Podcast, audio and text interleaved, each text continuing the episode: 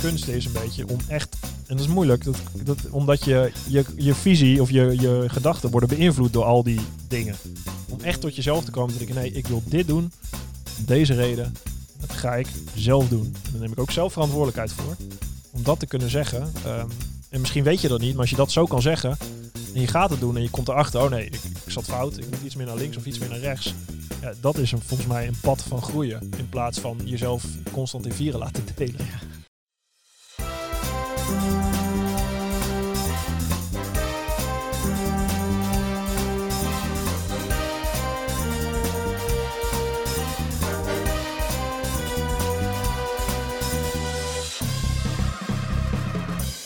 Alright, Let's go. starten we? Oké, goed. Nou, welkom eh, bij de Switch to Leadership podcast van de Aarde Academie.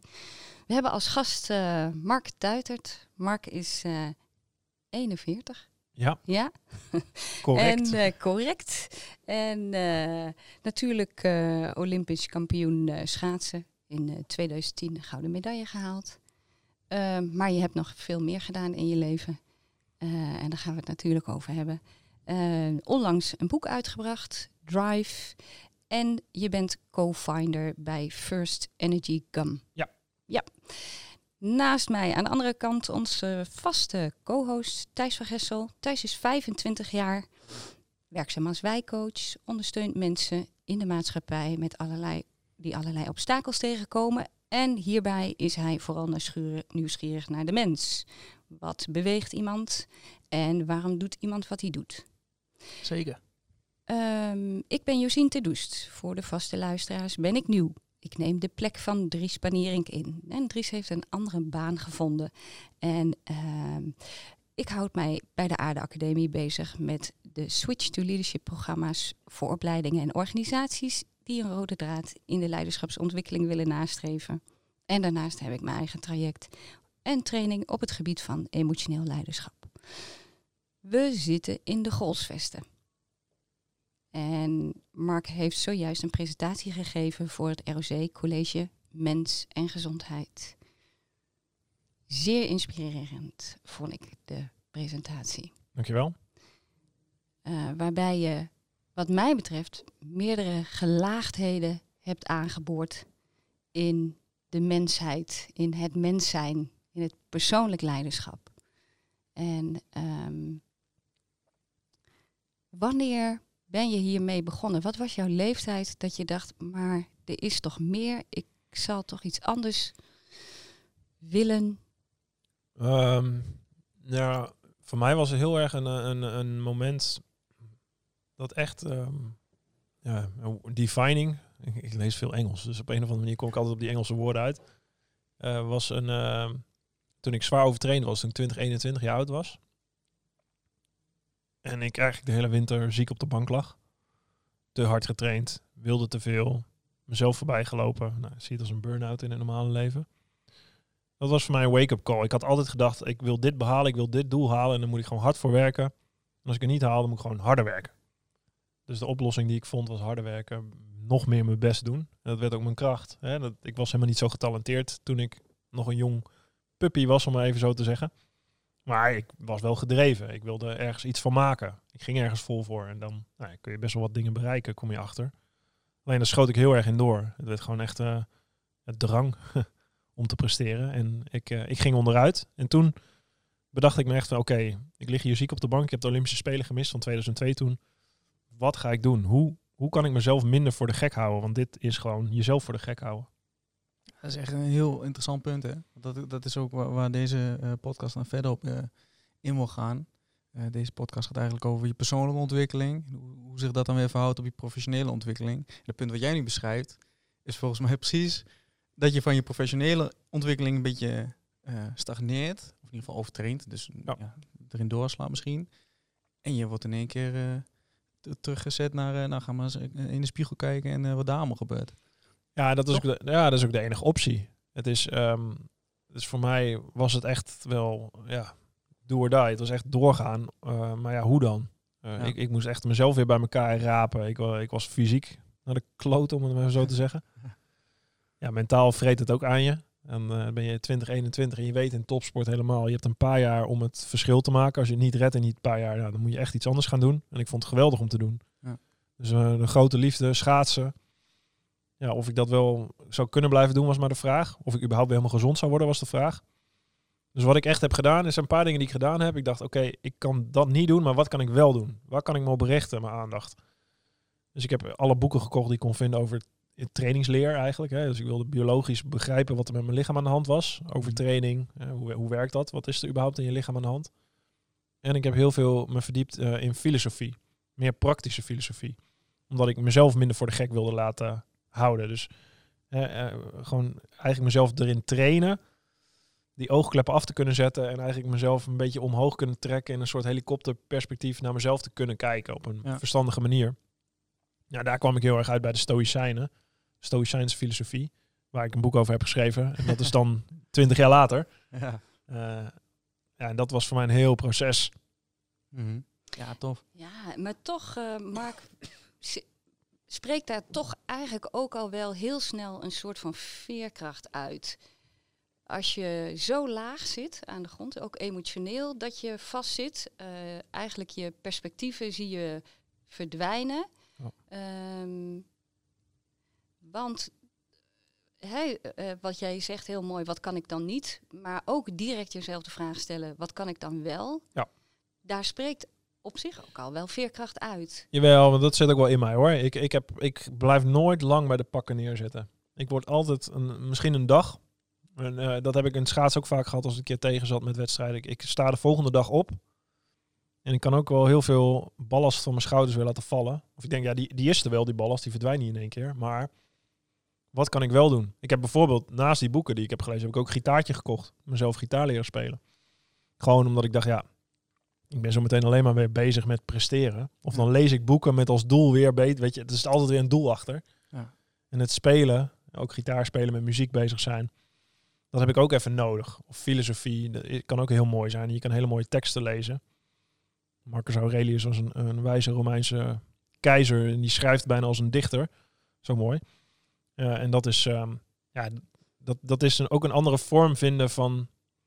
Ja, gewoon, ja, zo zit ik een beetje in elkaar. Ik ga gewoon knutselen, noem ik het wel eens. Ik ga gewoon dingen proberen. Wat past bij me, wat werkt.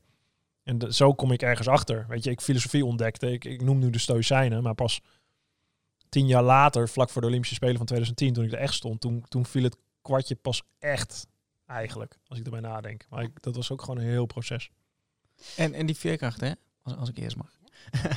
die, um, uh, ja, ergens is het wel herkenbaar dat je ergens helemaal in opgaat en uh, het vooral leuk vindt en daarom het doet. Uh, maar best wel doelgericht misschien daarin bent. Um, maar je zegt, zo zit ik ook een beetje in elkaar. Ja. Dan koop ik een gitaartje en dan ga ik daar ontdekken wat ik daarin kan en hoe goed ik daarin ben misschien. En is nou, dat... dat... had ik niet hoor. Ik had mijn gitaartje was echt puur ontspanning. Ik dacht niet van, ik moet ga, je, moet ik ga leren. Jawel, maar ik, dacht niet, ik had niet de illusie om daar een hele goede gitarist in te worden. En anders, geze anders, maar normaal gesproken ben ik heel doelgericht, absoluut. Maar is het in, in het gitaar leren dan ook dat je dacht van oké, ik heb nu dit geleerd, oh, ik wil het volgende leren op de gitaar? Nee, viel mee. Dat was veel meer van, oh hey, wat meer voelen wat die nummers doen. Dus het was heel erg... Uh, oh, oké. Ja, ja. ja ik, ik, weet je, dat heb ik dan ook. Dan zit je in een bepaalde ja, maar de, de muziek waarvan je houdt vertelt heel veel over hoe je je op dat moment voelt. De mood en de vibes. De mood. En, uh, Dus het was best wel donker en duister. Uh, maar daar haal ik, vind ik juist heel mooi, melancholische muziek. Ah. haal ik juist heel veel uit. Het is niet dat ik dan bij de pakken neer ga zitten en heel duister ga doen. Dat vind ik alleen maar mooi. Een soort troost. Vind ik mooi. Dus daar, uh, daar heb ik ook veel aan gehad. En, en eigenlijk na dat seizoen in 2002, toen kreeg ik een nieuwe coach, Jack Ori. En Jack was een bewegings, is een bewegingswetenschapper. Dus die, die kan alles onderbouwen met onderzoeken. Die heeft een heel duidelijke visie en een, en een, en een trainingsplan waarop je gezet wordt. Meet alles. Meet is weten zijn devies. Ja, en ik had net best wel wat kennis verworven op dat gebied. Dus Jack voor mij was net een soort professor waarmee ik als student mee kon sparren. Gewoon, wat, waarom doen we dit? Wat is de reden daarachter? Dus echt, ik ging veel meer over het proberen te begrijpen. Ik denk dat daar heel veel in zit. Hè? Als je probeert te begrijpen hoe je lichaam, hoe je geest werkt, hmm. dan leer je ook hoe je dat kan sturen. Uh, en als je dan mensen om je heen hebt, en dan was ik in de gelukkige omstandigheid dat ik bijvoorbeeld Jack uh, om me heen had, uh, ja, dan, dan, dan, ga je een soort sneltreinvaart universitaire studie in bijna. Ja. En daar leer je zoveel van. En dan leer je op een gegeven moment, als je dat goed overneemt, jezelf te sturen. Ehm, ja, en dat is super waardevol. Dat, dat zijn lessen die je voor de rest van je leven leert. En die hebben niks met je per se je vakgebied te maken wat je leert. En die vakkennis is keihard nodig, dat moet je hebben. Maar daarnaast is denk ik een heel waardevol stuk wat je kan leren over jezelf. Over hoe de wereld werkt. Ja. Eh, en, en dat stukje, ja, dat leer je vaak niet op school. Dat leer je door het leven. Nee, zeker niet. Nee. Maar dan moet je, kijk, als ik, ik denk elke keer aan eh, een stukje veerkracht, wat je daarvoor benoemde, Mhm. wat echt vanuit jezelf zit. Ehm, want dat is een hele belangrijke factor in, de, in die hele ontwikkeling, denk ik. Ja. Echt je persoonlijke ontwikkeling daar, om uiteindelijk je beter te kunnen schaatsen misschien. Ehm, maar dat zit in jou. Kan het ook in mij zitten? Zit het in iedereen? Ik denk dat het in iedereen er zit een soort levenslust, denk ik. En ook, ook ja, ja ik, heb, ik had een depressieve moeder. Ehm, dus ik heb de andere kant ook gezien. Ik zie, ook- ik zie ook wel mensen die, die met het leven worstelen en daar ook zelf niet uit kunnen komen. Dus ik, ik ben ook altijd wel waakzaam om eh, trucjes te geven of, of dingetjes te geven. Nou, als je dit en dit doet, dan, eh, hoppa, dan, eh, dan werkt het. Ehm, je moet heel erg testen wat voor jou werkt. En, en, en er zijn mensen die gewoon die ziek zijn of, of depressief zijn. En, en dat is wel een ander verhaal. Dan kun je wel zeggen, ja, eh, daar ontbreekt het dan aan veerkracht. Het zijn mensen die, zich, die, ja, die een put in gaan en zichzelf verliezen.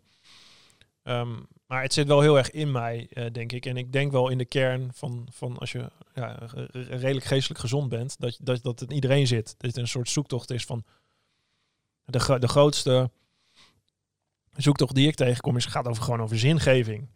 Mensen zingeving willen uit hun werk. Eh, en, en dan, ja, wat is dat dan? En dan vaak denken mensen maken dan de fout dat het met externe situaties te maken heeft. Hè. Ik heb heel veel sporters die denken als ik Olympisch kampioen word, dan ben ik gelukkig. Als ik dit, deze baan heb, dan ben ik gelukkig. Als ik dat, dat, dat, een externe Ja. doelen stellen en dan halen en et cetera, dat is geluk. Dat geldbedrag, dan ben dat je- geldbedrag, dan ben je er.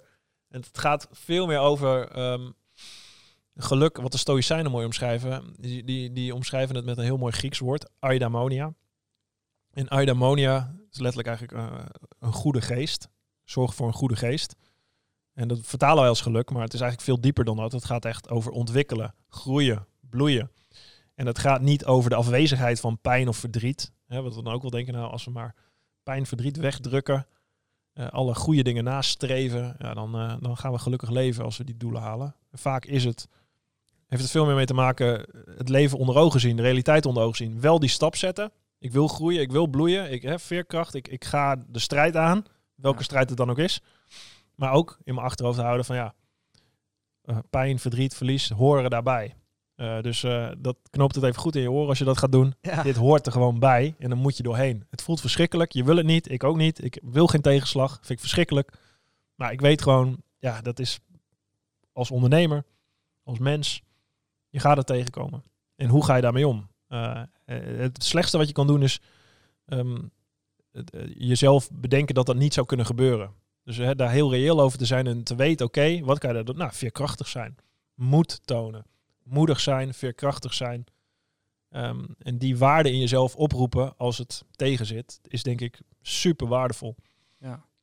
Wat ik ook heel mooi vond, eh, net in jouw eh, presentatie hè, over jouw eh, coach die, waar je net over sprak, hè, is niet harder werken, maar slimmer werken. Ja.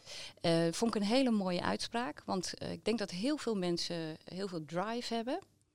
Ook die moed wel willen tonen, ook die veerkracht wel hebben.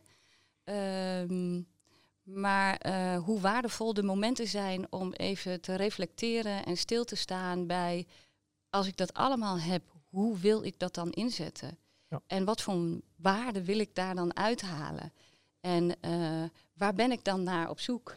Eh, ehm, vanuit de, de Aardeacademie eh, hebben we de, eigenlijk een beetje de universele waarde op vrijheid, groei en plezier.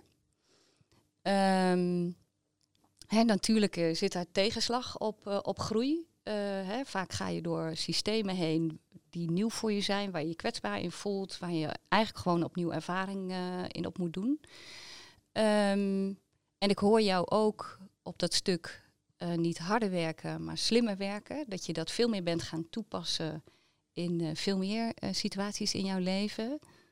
Ja. Kies jij dat heel bewust? Kies jij hele bewuste momenten uit om met iemand of met jezelf te reflecteren? Waar sta ik nu? Ja, dat, eh, die, die kies ik wel uit. Ja, het is een beetje een mix. Eh, Ik, zou- ik zou niet zeggen dat ik dat allemaal bewust uitkies. Er zijn wel een aantal momenten. ehm, ik ga nog steeds naar een haptonoom, één keer in de zes, zeven weken. Wat hè? Een haptonoom, dat deed ik al toen ik sporter was. hè. Wat, is dat? Het is eigenlijk gewoon een therapeut. Het is geen fysiotherapeut. Het gaat eigenlijk eh, iemand die je helpt ja, een beetje de verbinding met je hoofd en je lichaam te herstellen. Oké. Dus niet door eh, dingen recht te zetten, maar nou ja, eigenlijk ook wel. Maar ja, het is een beetje lastig te omschrijven. Is het te vergelijken met een osteopaat? Nee, nou, de, oh, nee, het is iets anders, maar die haptonoom heen is, is ook osteopaat. Dus eh, het is eigenlijk, je gaat gewoon je lichaam langs en je kijkt waar de spanning zit. Waar, waar, waar het, Oh, eh, ja, eigenlijk ja. is het gewoon van Ja. top tot teen even kijken waar zit je spanning, hoe, hoe beweegt je lichaam. Dus het is heel erg je gevoel van je lichaam, connectie laten maken met je hoofd. En ja, mijn uitdaging, en wa- dat, daar daar heb ik ook een boek over geschreven, en wat je ook zegt. Het is, dit is niet iets, heb ik gemerkt van oké, en die fout maak ik nog steeds wel eens om zo te denken. Ik heb dit nu geleerd, ik los dit op en we gaan door. Het is een constant proces wat nooit ophoudt. Je leert, en daarom moet ik het echt erover waken dat ik dit in mijn leven inbouw. Omdat ik steeds weer in dezelfde valkuil stap. En dat is heel logisch, weet je. Gaat het goed, lekker, oh, door, door, door. En je weet eigenlijk, oké, oeh, het Ja. gaat nu lastig. Oh, en ik heb het nu heel druk. En ik weet bij mezelf nu al, ik, ik ben al bezig om echt as we speak, ehm, nou ja, nog niet as we speak, maar als ik klaar ben, vanochtend ook, gewoon om echt dingen uit mijn agenda te gaan weren. Om echt rust te gaan creëren. Ik weet, ik kan drie, twee, drie weken kan ik echt heel hard werken. En dan kan ik echt uren maken. En ik vind het ook leuk. Ik krijg er energie van. Maar ik weet gewoon, s- ik laatst iemand die maandagochtend vroeg, "Hey, hoe was je weekend? Ja, ik heb is het? nou, ik heb gewoon niks gedaan. Gewoon niks. Ik heb gewoon een hele weekend rust gedaan. Een beetje gewandeld, met de kinderen gespeeld. En verder niks. Geen verjaardagen, geen... Alles afgezegd. En gewoon puur om te weten. Ik weet gewoon twee, drie weken nu. eh, vind ik leuk, heb ik energie, maar ik moet gewoon rust daarnaast inbouwen. En daarna moet ik ook zeggen, een week, even helemaal niks. Ja. Even, even terugkomen. En dat heb ik wel uit de topsport geleerd. Je moet je, moet je agenda wel met, je moet vooruitkijken en gaan indelen, want anders loop je ergens tegen een muur op. Helemaal, en dat is gewoon zelfkennis, jezelf leren kennen. Het klopt, als je heel gedreven bent vaak, de, de kracht die je maakt, kan ook de kracht zijn die je breekt. Eh, je- er is ergens een grens aan. En, Ja. en als je denkt dat er geen grens aan zit, nou succes, probeer het maar. Ik kan je vertellen, je lichaam gaat wel ergens aan de handrem trekken. Voor, voor mij is het soms mijn rug, die gaat opspelen. eh, voor iemand gaat echt anders. in je lichaam zitten dan. Hè? Ja, je lichaam gaat gewoon in je geest ook. Je wordt moe, je wordt eh, humeurig. En als, je, als je daar niet naar luistert, dan gaat je lichaam op een gegeven moment ook zeggen... Hey, het is allemaal leuk wat jij wil, maar ga jij maar eens even plat liggen, vriend, vriendin. Ah, het komt wel echt terug op die drie dingen die jij zegt. Hè? De, de groei, ehm, plezier en vrijheid. En eh, ik, ik haal er een beetje uit in het voorbeeld wat je net geeft. Nou, dan moet ik echt een weekend even rust hebben, even niks doen. Dat dat heel erg de, de, de vrijheid een stukje aantikt. Ja. Ehm, maar ik kan me ook voorstellen dat in het heel harde trainen als schaatser een stukje plezier eronder leidt. Klopt ja, dat kan. Je ziet heel veel topsporters die iets bereiken ehm, en die, die daaronder lijden. Dus die, die worden dan Olympisch kampioen en dan wordt het een hele grote ballast. Het zijn echt Ja. genoeg sporters. Ik kan de voorbeelden zo geven. Ehm, en dan denk je, hè, dan heb je zoiets moois bereikt en dan wordt het een ballast. En ik begrijp het. Want vaak, je gaat, je, je- wij gaan als mensen, zetten we onszelf allemaal normen. We zetten ons vast in normen. We gaan normatief denken. We denken, ik ben nu Olympisch kampioen, dus ik moet bewijzen dat ik dat waard ben. Als je erbij nadenkt, en dat is zo mooi een praktische filosofie, je, je moet goed bij nadenken of dat waar is. Als ook de krantenkoppen die zeiden van oké, maakt uit, het gaat nu alles winnen. Dat ja, die gaat alles winnen. Maar, maar, ja, maar dan is het dus, dan kun je meegaan. Je kan ook denken, ik moet bewijzen dat ik Olympisch kampioen ben. Eh, want, maar waarom? Hoezo moet je dat bewijzen? Aan wie? Ja, misschien ook omdat je het wil, toch? Waarom? Ja, maar je wil jezelf bewijzen, dat- natuurlijk. Maar tegenover wie dan? Tegenover jezelf, omdat je het kan. Ja.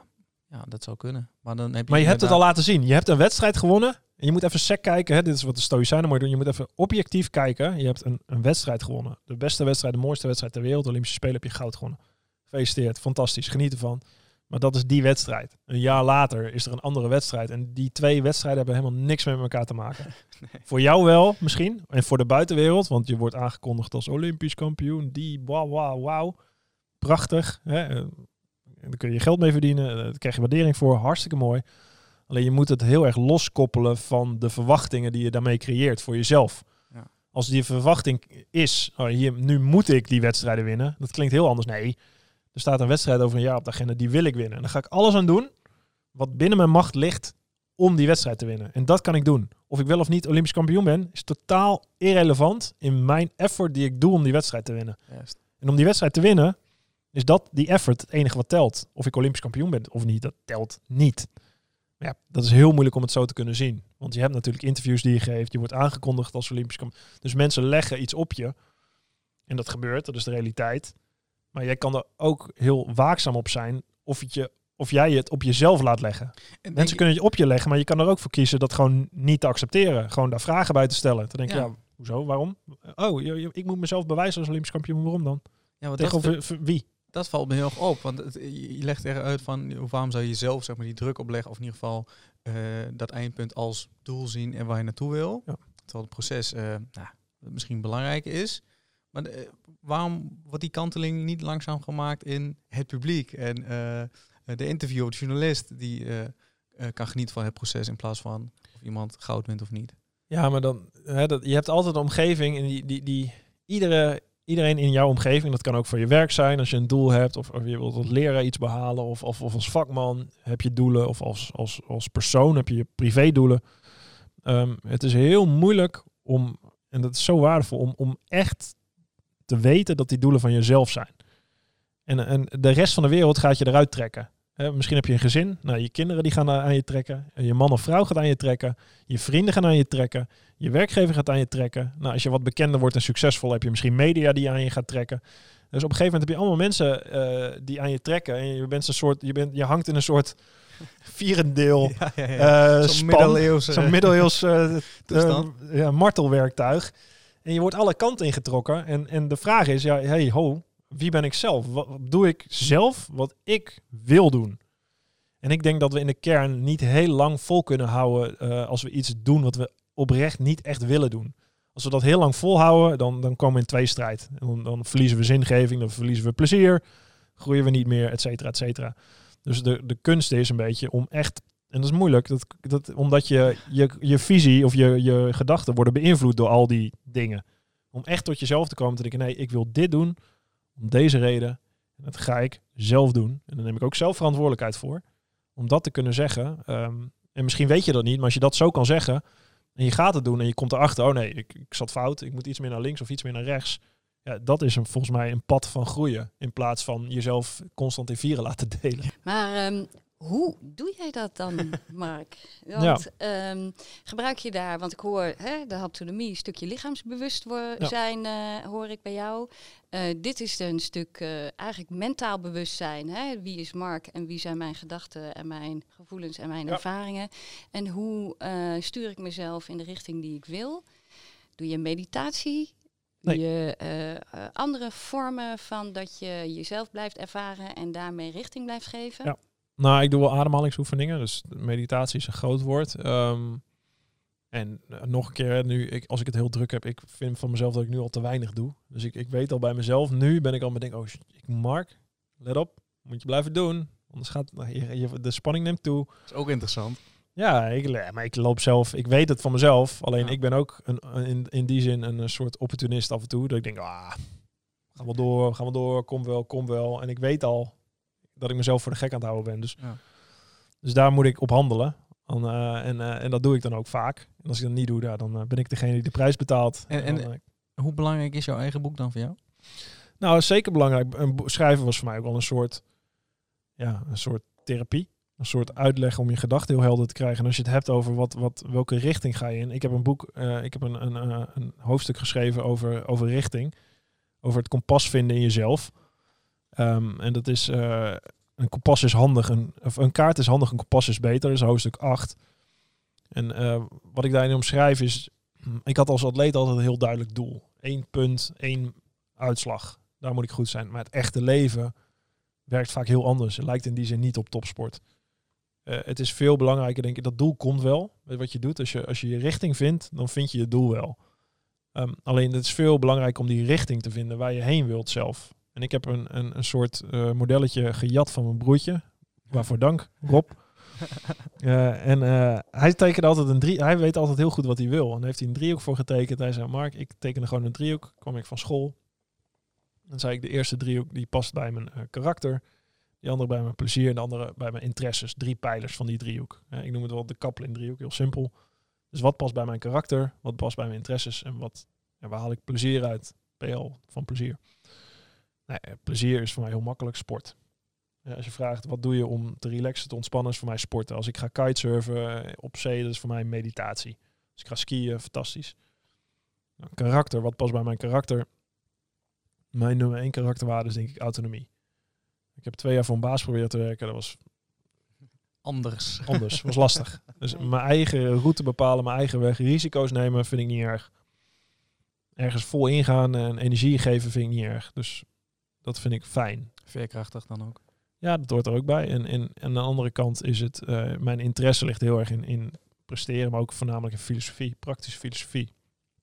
Dus als ik die drie dingen combineer en als alles wat ik doe daarmee te maken heeft, ja, dan, dan ben ik, zit ik op mijn kracht. Dan eh, ben ik bezig met wat ik leuk vind eh, en dan versterken die dingen elkaar en dan gebeuren er dingen. En dan ga ik, ik ben daar bezig. Ik heb mijn eigen podcast, mijn Drive podcast, interview ik gasten eh, daarover. Ehm, ik, ik schrijf een boek. Nou, dat heeft allemaal met sport, filosofie, autonomie te maken. Ik, ik start mijn eigen podcast. Ik heb ook gewoon zo'n zo, ding gekocht. En eh, ik ben maar gasten gaan bellen. En eh, hoe, hoe werkt dat? Ja, weet ik veel. Ga, kijk maar op YouTube hoe Tim Ferriss het doet. Oké, zo. Nou, doe ik het zo. Ben ik gaan precies. doen. En een boek schrijven. Ik ben gewoon een boek gaan schrijven. En na een half jaar, drie kwart jaar, dacht ik, nou, ik heb toch wel een beetje hulp bij nodig.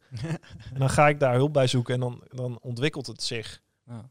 Eh, en dan uiteindelijk heb ik een boek en dan stel ik wel een doel. Nou, ik wil, maar Ja. dat doel komt wel. Ve- Het is veel lastiger voor jezelf om te bepalen, ja, wat zijn de pijlers waar ik mijn leven omheen wil bouwen. Mhm. En als je dat helder hebt, ja, dan, dan krijg je daar energie voor van. Alleen dan moet je wel heel duidelijk bewaken wat daar binnen valt en niet. Alles wat er buiten valt, moet je ook durven zeggen, nee, dat doe ik niet. Ja, daarom ben ik ook wel heel blij met eh, jouw podcast. Want eh, ik zit hier niet met jouw boekje voor me. En ik heb eh, mijn telefoon hier met de dingen en jij op papier. Ik denk dat misschien een generatie dingetje is. maar goed, eh, eh, ik, ik lees eigenlijk helemaal geen boeken. Gewoon omdat ik misschien de concentratie niet voor heb. Of omdat ik heel langzaam lees. Of niet de mo- momenten voor pak. En een podcastje is wel heel relaxed. Dus ik heb ook een paar afleveringen van jou gehoord. En je zit nu op de aflevering 55 ongeveer. Ja, 60 bijna al. 60 al? Ja. Ah, dan zie je al dat ik nog niet bij ben. Maar ehm, daarin benoem je ook heel erg, volgens mij gewoon wat in je boek staat. Je hebt een eh, podcast die je ook eigenlijk eh, met jezelf hebt. Ja. En daar ga je echt al die tien dingen langs. Oké. Ja. En wat ik daaruit haalde, want als ik dat luister, ik denk dat heel veel luistera- luisteraars dat zullen hebben. Je gaat onbewust toch bezig met, oké, hoe is dit voor mij? En hoe Ja. ervaar ik dit? En hoe, hoe dit, hoe dat? Ja, heb je, heb je een tip voor de mensen die, die dat de hele tijd hebben? Lees mijn boek. Ja, precies, ja. Ja, maar ja, of luister mijn podcast. Ja, nou ja, dat is wel waar, ja. Nou ja, het is, eh, weet je wat, ehm, het, zijn, het zijn hele praktische levensprincipes die de Stoïcijnen al omschrijven, waar ik heel veel aan heb gehad. Dus het, het is een beetje veel gevraagd om dat in één, een paar zinnen te omschrijven, maar het, het heeft echt mee te maken met hoe kun je denken, gebruiken om beter te leven. Dus hoe kun je voor jezelf de juiste keuzes maken. En waar moet je keuzes over maken en waar niet. Wat ook een keuze maken eigenlijk is. En dat als richtlijn, wat de Stoïcijnen eigenlijk heel mooi aangeven, hè, waar heb je controle over, waarover niet. Eh, we kunnen ons heel erg druk maken over nieuws, over berichten. We kunnen kwaad zijn op een minister die iets beslist over corona, weet ik het. Ja, we, we verspillen zo, zoveel energie eh, aan frustraties en aan dingen waar we totaal geen invloed op hebben. Choose your battles. Ja, nou ja, en het kan prima. Je kan je ergens druk om maken als je maar weet. Oké, ik maak me nu even druk om, maar de grote schaal van het leven. Wat, ja, oké, ik leg het ook weer naast me neer. Oké, prima. Maar als je daarin blijft hangen, ja, moet je heel erg bedenken, ja, wat, wat doet dit met me? Dus eh, kalm kunnen blijven in, in, in een heel onzekere wereld. Hè? Dat is ja, onzekerheid, dat kenmerkt de huidige wereld, denk ik. We weten niet waar het economisch naartoe gaat. Pandemie technisch niet. Er zijn zoveel onzekere factoren. En hoe kun je dan zelf daar een soort immuun voor blijven enigszins? En gewoon blijven werken aan dat wat jij iedere dag waardevol vindt om te doen. Dat kan je doen. Waardevol werk verrichten iedere dag. En dat is super mooi als je dat kan. Eh, en dat kan iedereen in zijn eigen vakgebied. En als je je daarop blijft richten, het goede doen voor anderen, voor jezelf ook, maar ook richting anderen. eh, met vrienden, familie eh, of met je compagnons of met een team. Samenwerken. De, de lat hoger leggen. bakens verzetten. elkaar helpen als er eentje valt. Omhoog, terug en weer verder gaan. En dat is waar dat is waar we zingeving uithalen. Zingeving halen we niet uit een op het top van een berg staan en van het uitzicht genieten. Zingeving halen we uit het werk van iedere dag. Uit het worstelen, uit het ook genieten, eh, maar ook het worstelen en het, het overkomen, uh, het obstakels overwinnen. Uh, en, en dat is een misvatting vaak, denk ik, dat we, dat we zingeving, dat iemand anders dat ons moet geven. Oh, de politiek moet dat doen. Diegene moet dat doen. Mijn werkgever moet dat doen. Je hebt nergens recht op in het leven. Je moet het zelf maken. Ja. Uh, en voor sommige mensen is het heel zwaar. Voor andere mensen is het lichter. Uh, en dat heb je ook niet te verkiezen. Dat is iets wat je, hoe dan ook, ja, je moet het niet accepteren, maar het is wijzer om het te accepteren, omdat het je veel meer geeft in het leven, in plaats van ergens tegen te blijven vechten waar je toch geen invloed op hebt. Ja. En om, om daarop in te haken, je noemt het net een paar keer, en ook in de podcast en ook in het verhaal wat je net uh, het ROC hebt verteld, um, het team om je heen. Je vertelt heel mooi en ook eigenlijk in je boek hoe je zelfverantwoordelijkheid bent voor een bepaald aantal zaken waar je invloed op hebt. Ja. Um, maar je komt ook in dat proces een aantal keer op een punt dat je denkt, oké, nu moet ik toch wel even eh, dit met iemand overleggen of toch even daar naartoe, naar je trainer, um, uh, luisteren naar je moeder, dat soort punten. Ja. Um, kun je er iets meer over vertellen over wat voor invloed is van het team om je heen? Ja, kijk, er is niemand, ik ben een individuele sporter, was ik als schaatser, maar er is niemand die individueel succes boekt. Het is altijd een team effort, altijd.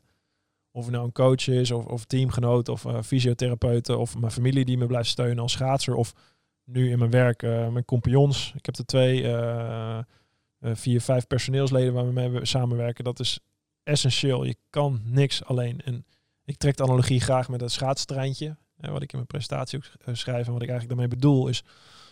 Stel je hebt een sprinter die 30 seconden over een afstand doet, even gechargeerd. En een steer, lange afstandsschaatser, die 13 minuten over een afstand doet die sprinter die trekt uh, vandaag de sprints aan. En de rest uh, van de schaatsers rijden achter hem in een treintje. En dat doen ze om uit de wind te zitten. Dus die sprinter rijdt op zijn snelheid uh, op een heel hoog niveau. En iedereen die erachter zit gaat mee in zijn niveau. Die kan schuilen achter in zijn windschaduw en die worden naar een hoger niveau gebracht. En de volgende dag doet die steer hetzelfde. Iedereen die, die zit in een treintje achter hem. En die worden meegezogen in een hoger niveau. Eén, iemand rijdt op kop en die houdt de ander uit de wind. En zo werkt een treintje. En als je dat vier jaar lang doet, het zijn 126 miljoen seconden overigens, dag in dag uit, dan leg je de lat hoger. Uh, dan wordt het niveau van een team hoger. Je helpt elkaar iedere dag naar een hoger niveau. En wanneer gaat dit mis? Het gaat mis als die sprinter bijvoorbeeld denkt, nou vandaag ben ik zo goed, hè, of die teamleider of iemand in je team denkt, nou hey, ik ben zo goed, ik zal jullie laten zien hoe goed ik ben. En alles draait om dat ego. En, en een sprinter die, die trekt zo hard aan dat niemand kan volgen. En als het gevolg het treintje breekt, iedereen rijdt zelf in de wind. Uh, dus de, iemand kan de wind uh, breken, maar iedereen rijdt nu zelf in de wind en het niveau daalt. Want niemand haalt dat hoge niveau van die sprinter. En de volgende dag denkt die steer, nou, wat jij kan, kan ik ook. Uh, ik ga zo hard rondjes rijden dat niemand mij kan volgen.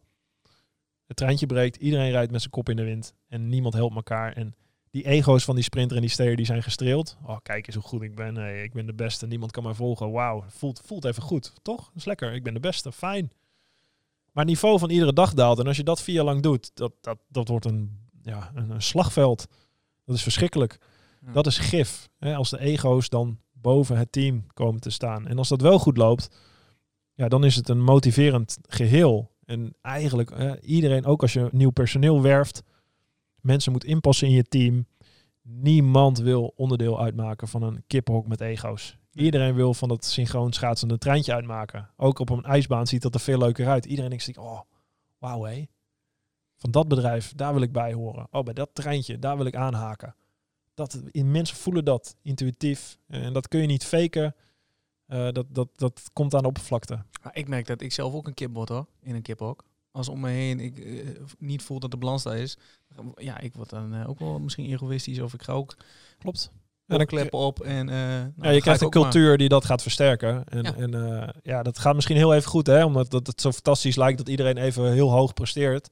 Maar op langere termijn gaat het niveau omlaag iedere dag. En dat, dan, krijg je, dan krijg je geen leuke, geen leuke bedrijven, geen leuke mensen van. En, en het mooie is ook, hè, er is er maar één nodig in het team die weer bewust de andere kant pakt en dan de ander ook weer meetrekt in zijn treintje. Hè? Oh, zeker hoor. dus Je dat hebt- is ja. wat wel mooi, eh Thijs, hoe je dat zegt. Van, dat is wat wij allemaal geneigd zijn dan om te doen. Om ook mee te gaan, om daar heel onbewust in te worden. Maar als de eentje zich daar in een team dat realiseert...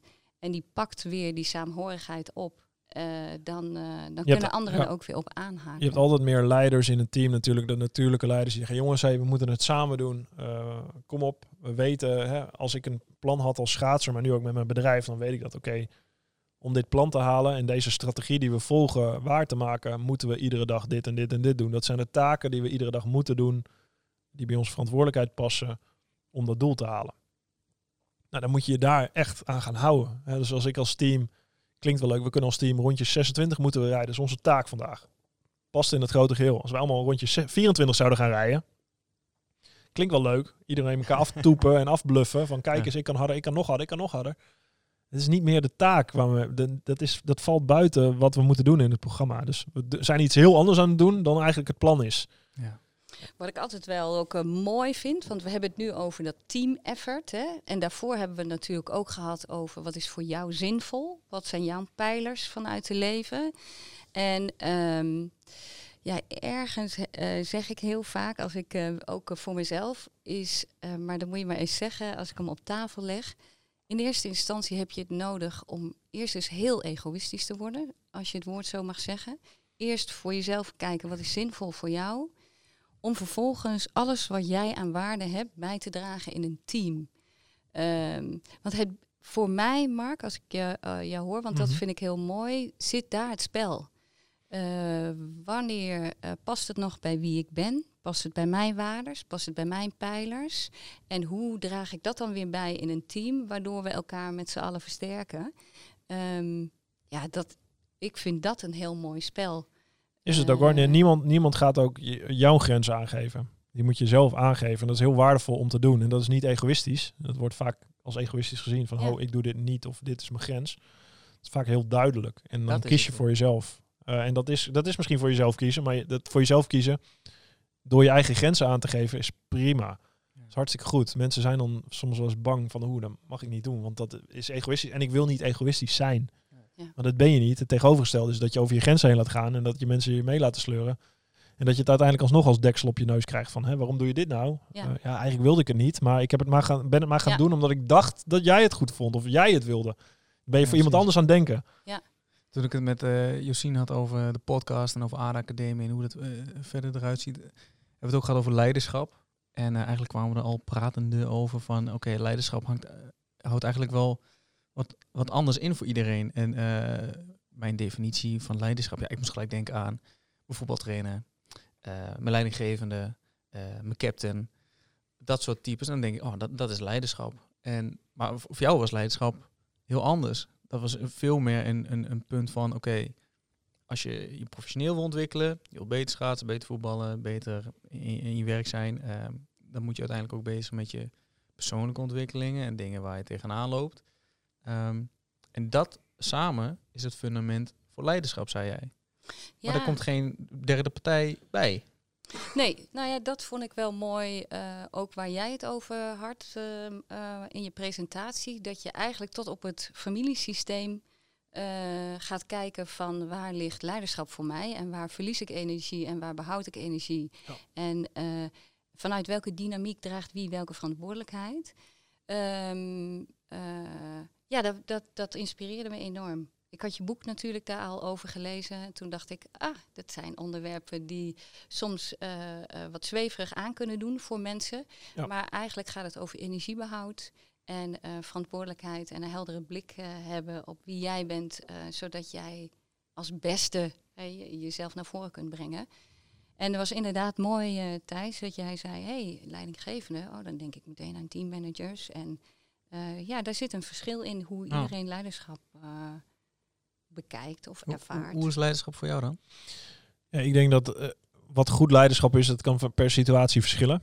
Denk ik. Eh, bepaalde situaties vergen andere leiders. Ehm, ja, ik, ik vind Marcus Aurelius een mooi voorbeeld. Een wijze Romeinse keizer die, eh, die dus met zichzelf heel erg bezig is eh, te reflecteren op zijn eigen gedrag. En hoe, hoe die daar zelf het best mee om kan gaan en dat kan gebruiken om voor anderen het juiste te doen. Dus het juiste doen. Karakter tonen. Ja. Dat vind ik leiderschap. Dus echt eh, weten dat je een goed mens bent en wilt worden en andere mensen daar ook mee wilt besmetten als het ware op een goede manier. En hij deed dat heel erg door zijn eigen leidende principes te bewaken. Dus echt bewaken, waar sta je voor, waarom doe je dat? Hè? De vier kardinale deugden in de klassieke filosofie zijn matigheid, soort zelfdiscipline. En dat kan je ook in onder eh, eh, persoonlijke ontwikkeling, eh, persoonlijk leiderschap wel scharen. Wijsheid, dat is meer praktische wijsheid, weten wat goed of eh, slecht is om te doen. Hè? Goed onderscheid kunnen uitbrengen tussen, onderbrengen tussen goed en slecht. Ehm, rechtvaardigheid, rechtvaardig handelen. Dus ik zeg wel eens voor de, voor, nou het is niet voor de grap, het is gewoon de, de, de secretaresse net zo behandelen als de CEO, zeg maar. Als je eh, gewoon rechtvaardig handelen, jezelf richting andere mensen verhouden op een rechtvaardige manier. En moed, moed, moedig zijn. Dus durven beslissingen te maken die ook niet altijd populair zijn met iemand op een visie die je zelf hebt. Ehm, en als je dat durft als leider, met die vier kardinale waarden in je achterhoofd, ben je denk ik een heel eind om goed leiding te geven. Ook aan jezelf eerst, inderdaad. Maar ik denk dat het vereist is dat je jezelf kent. En dat je daar dus je eigen leidende principe in kan volgen. Dus weet wat, wat de goede beslissingen zijn om te maken. Maar ook richting anderen. En Marcus Aurelius deed dat heel mooi als keizer. Dat hield hij zichzelf voor. Dus hij zag de voorbeelden van Nero en Caligula. Dat waren zeg maar de, nou, de anti-goede leiders. De dictatoren, de, de, de despoten, de narcisten. Eh, en dat kan macht doen. Macht corrompeert dan in die zin. Eh, en die trokken dat naar zich toe. Het eerder, eerste, hij, was, hij besefte zich dat. Hij dacht, oké, ik ben de machtigste man hier op aarde. Leider van het Romeinse Rijk. Maar hij had ook stoïcijnse scholing gehad. Filosofische scholing. Dus hij weet, oké, macht corrompeert. Dus ik moet de Senaat in ere herstellen. Wat hij deed. Dus de volksvertegenwoordiging in ere herstellen. Als een soort tegenmacht tegenop, ten opzichte van zichzelf. Mhm. Dus hij organiseerde het zo eigenlijk omdat hij vond dat dit goed leiderschap zou moeten zijn. Eh, dat hij de macht niet eens zelf zou moeten kunnen krijgen. Ook al zou hij een goed mens zijn. Eh, want hij, hij richt dus een systeem in voor goed leiderschap. Ja, en dat, eh, dat, dat is prachtig hoe hij daarover schrijft ook. Dat hij daar constant... Hij, hij werd bijvoorbeeld wakker vaak op een dag en dan hield hij zichzelf voor... je gaat vandaag corrupte, doortrapte, slechte mensen tegenkomen. Maar ja, als hij ze dan tegenkwam aan het hof, aan het Romeinse hof... waar die mensen natuurlijk allemaal leefden... en, en doordat hij dat wist, hoefde hij er zich ook niet druk om te maken. Hij wist, oké, het is onderdeel hiervan. Hoe kan ik hier het beste mee omgaan? Ja. Eh, hoe kan ik het juiste doen voor mezelf, voor de mensen eh, die ik dien? Eh, en dat is een soort vorm van dienend leiderschap. Wat, wat, en, en dat is wel, ja, denk ik, een leiderschap waar je zelf ook bereid moet zijn om een prijs voor te betalen. Dat deed hij ook. Dus er zit, de- de- het dienen, iets voor anderen doen en mensen daarmee leiden. Ja, dat, is, dat vind ik ultiem. Dat, eh, dat deed een Nelson Mandela, die betaalde daar een prijs voor. Dat deed Marcus Aurelius, die betaalde daar een prijs voor. En dat is, eh, denk ik, weinig gegeven. Maar w- word jij ook wel zo'n wakker dan? Ik niet hoor. Dat ik denk van, nou, ik kom vandaag echt de meest corrupte of moeilijke mensen tegen. Maar ja, het zei je zo. Oh jawel, ik wel. Nou, niet, niet in die. Ik, ik heb, je, ja, we hebben toch allemaal wel eens mensen waarvan we denken, oké, die moet ik eh, gedogen. Ja, en ik, ik, ken, ik ken wel mensen die zijn ook geniaal in een bepaald opzicht. Hè? Mhm. Die zijn ook heel goed in wat ze doen. En, maar die hebben ook gewoon ja, kantjes waar, die wat lastiger zijn, om het maar even zachtjes uit te drukken. Ja. Dus als iemand kan van tevoren zegt in een gesprek of een vergadering of een gesprek omdat je iemand hebt, oké, ik ken hem of, zij, of haar. Ik weet wat zijn goede kant zijn, slechte kant. Ik weet dat die slechte kanten mij kunnen irriteren. Ik kan ook gewoon beslissen dat ik, ik weet dat het zo is. Dus als ik al weet dat het zo is en ik weet dat het me gaat irriteren, waarom irriteer ik me er dan nog over? Hm. Dat is toch het stom? Ik kan toch ook gewoon denken, oké, dit hoort erbij. Hoef ik me niet te irriteren. Ik heb het mezelf al bedacht dat het gaat gebeuren. Dus ik voorzie dit, zouden de stoïcijnen zeggen. Maar ik heb diegene wel nodig voor, voor zijn briljante kant in dit en dit en dit. Ehm, en zo kun je ook naar iemand kijken. Hè, in plaats van dat je aan een vergadertafel zit en uh, denkt, oh, dan heb je hem weer. God, uh, je kan je er ook opbeurend iets over zeggen. In plaats van jezelf te frustreren en te irriteren. Maar dat is een hele kunst, hè? Zonder dat het plat wordt op, of oppervlakkig of nep. Ehm, Zeker, dat is een hele kunst. ja. Ja. En ik, soms merk je dat ook wel aan iemand. Dat iemand nooit klaagt, nooit negatief is. En dat heel erg op die manier uit eh, Ja. eh, belicht. En dan, eh, daar denk ik ook wel eens van, nou, dat, dat voel ik ook niet echt. Dus Ja, het is wel echt een balans vinden daarin. Ja, het is ook niet dat je emoties ergens helemaal uit hoeft te slopen. Iemand kan zo reageren. Alleen je- Ja. de enige wat jij kan doen is jouw reactie ergens op eh, instellen. En, eh, en als je dat niet bedacht of voor, als je dat laat gebeuren, dan ga je mee in je eerste impuls. En als je eerste impuls irritatie is op iemand en dan, en dan laat je jezelf in meesleuren, voor je het weet, dan uh, heb je een kiphok. En dan gaat iedereen mee in die eerste impuls. En de kunst is denk ik ook van een goed leider om niet mee te gaan in die impuls, maar jezelf kunnen reflecteren op, op die impuls. Hè. Een impuls is maar, oké, dat is de trigger voor die emotie die komt. Nou, je weet dat die komt. Dan kun je ook kalm blijven. Kun je Ja. rustig blijven. Is dat een optie? Vind ik ook moeilijk hoor, begrijp me goed. Maar het is heel waardevol als je dat lukt. En dan kun je met grote stress, met grote druk, met grote belangen omgaan. Eh, en als je leiders leiding geeft aan heel veel mensen of met hele partijen met hele grote belangen. Maar dan ga je ook Is heel erg terug naar eh, überhaupt kernwaarden, normen en waarden. Absoluut. Dat, als ik je dan daar zo over hoor, dan denk ik, ja, dat wordt echt overal wel soms eh, even vergeten. Ja, alleen in de politiek al. Als je soms in de Tweede Kamer kijkt hoe die debatten er tegenaan gaan, dan wordt er niet even Nee, rustig nagedacht en eh, met respect met elkaar omgegaan. Nee, ja, dan dat is vind, de eerste emotie nog wel eens een dingetje. Ja, ik vind, ik vind, ik vind karakter eh, daar heel belangrijk in. Dus doe, het doe het goede. Het overige is niet belangrijk, zou Marcus Aurelius zeggen. De All Blacks, een Nieuw-Zeelands rugbyteam, die hebben vier pu- 14 punten opgesteld als team waar ze voor staan. Welke waarden? Een van die waarden is volgens mij no dickheads allowed. Weet je, geen eikels. je kan ook topsporter zijn, je kan ook goed presteren zonder een eikel te zijn. Je hoeft geen eikel te zijn. Weet je, en die lopen er overal rond, ook in de Tweede Kamer inderdaad, die de hele wereld bij elkaar schreeuwen en iedereen, ja. Dit, je, hè, ook wat voor bedrijf, wat voor team, wat voor land wil je zijn, kun je je afvragen. En dat, dat komt inderdaad op karakter, heel erg op waarde. Hè. De norm is nog iets, iets anders. Dat is nog de regelgeving waar je het wel of niet eens kan geven, of wetgeving, maar, maar waarden die ons verbinden eh, en daarna handelen, ja, dat is, eh, dat is, dat is waardevol. Ja, De, de juiste waarde nastreven is waardevol. Een waardevol leven krijg je daardoor. En je daar in ieder geval bewust van zijn. eh, en daarmee spelen is denk ik... en even bij jezelf bedenken, waarom, waarom hebben die stoïcijnen moed, matigheid, rechtvaardigheid en wijsheid ook alweer als waarde uitgekozen? Ja. Waarom is dat? Nou, dat hebben ze heel goed over nagedacht. Ja. Dus alles valt eronder. Dus als je, als je daar aan toornt, aan die waarden, ja, dan, dan, dan ben je slecht bezig in moreel opzicht. Als je Ja. niet rechtvaardig handelt, als je niet moedig handelt. Als je, dus dat, dat is het meer. Het goede doen. Ja, iedereen heeft zijn eigen waarden die hij nastreeft. Ik, ik heb andere dan jullie waarschijnlijk. Ehm, maar als je toornt aan die basiswaarden, ja, dat, eh, dan, dan, dan ga je het verkeerde pad op. Ik vind het stukje bewustzijn wat je zegt ook heel erg eh, interessant, omdat het, ik denk voor mij heel erg eh, aanspreekt, waar we het net ook over hadden, van, ik zei, wie wordt er nou wakker en denkt echt van, nou vandaag ga ik best wel bewust met bepaalde dingen om. Ehm, als ik met vrienden erover heb, of met collega's, of met inwoners die ik zie, ehm, daarover heb, is vaak de kennis er wel.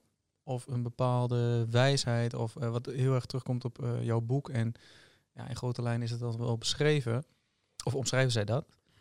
Maar dat is echt een stukje bewustzijn waar, eh, waar het aan schort dan. Niet iedereen is elke dag ermee bezig. Laat staan Ik denk elke dat week. we, Toch? dat we dat mooi als afronding kunnen gaan gebruiken. Iedere dag, je kan het even iedere dag opschrijven, iedere dag bedenken. Dat is ook wat de mooie de Stoïcijnen zeiden. Het is niet dat het daarom is. Het is geen filosofie met trucjes of life hacks. Nee. Het is echt iets wat je iedere dag kan gebruiken om op jezelf te reflecteren. En het is nooit af. Het is niet, eh, oh ja, vandaag weet ik het. Dus eh, En het is maatwerk. Wat voor jou werkt, werkt misschien net wat ja, anders. ja, dat, maar is, dat, ja. is, dat schrijf ik in de intro van mijn boek ook. Het, gewoon, het is sowieso een zoektocht, het hele leven. En een beetje praktische filosofie kan je helpen richting te vinden. Maar je moet het wel zelf doen. Je moet zelf op zoek gaan. perfect. Dankjewel. Het zijn mooie afsluitende woorden. Zelf doen, in actie komen. Ja. Wat voor jou zinvol is. En eh, daar elke dag opnieuw richting aan geven. Ja, Dat is eigenlijk mooi eh, samengevat eh, Zeker, wat goed je samengevat. verteld hebt. Ja. Ehm, hartelijk dank. Was ontzettend inspirerend. Zowel de podcast als de presentatie die je hebt gegeven. En eh, succes Dankjewel. met alles waar je Jullie mee bezig bent. Oké. Nice. Top.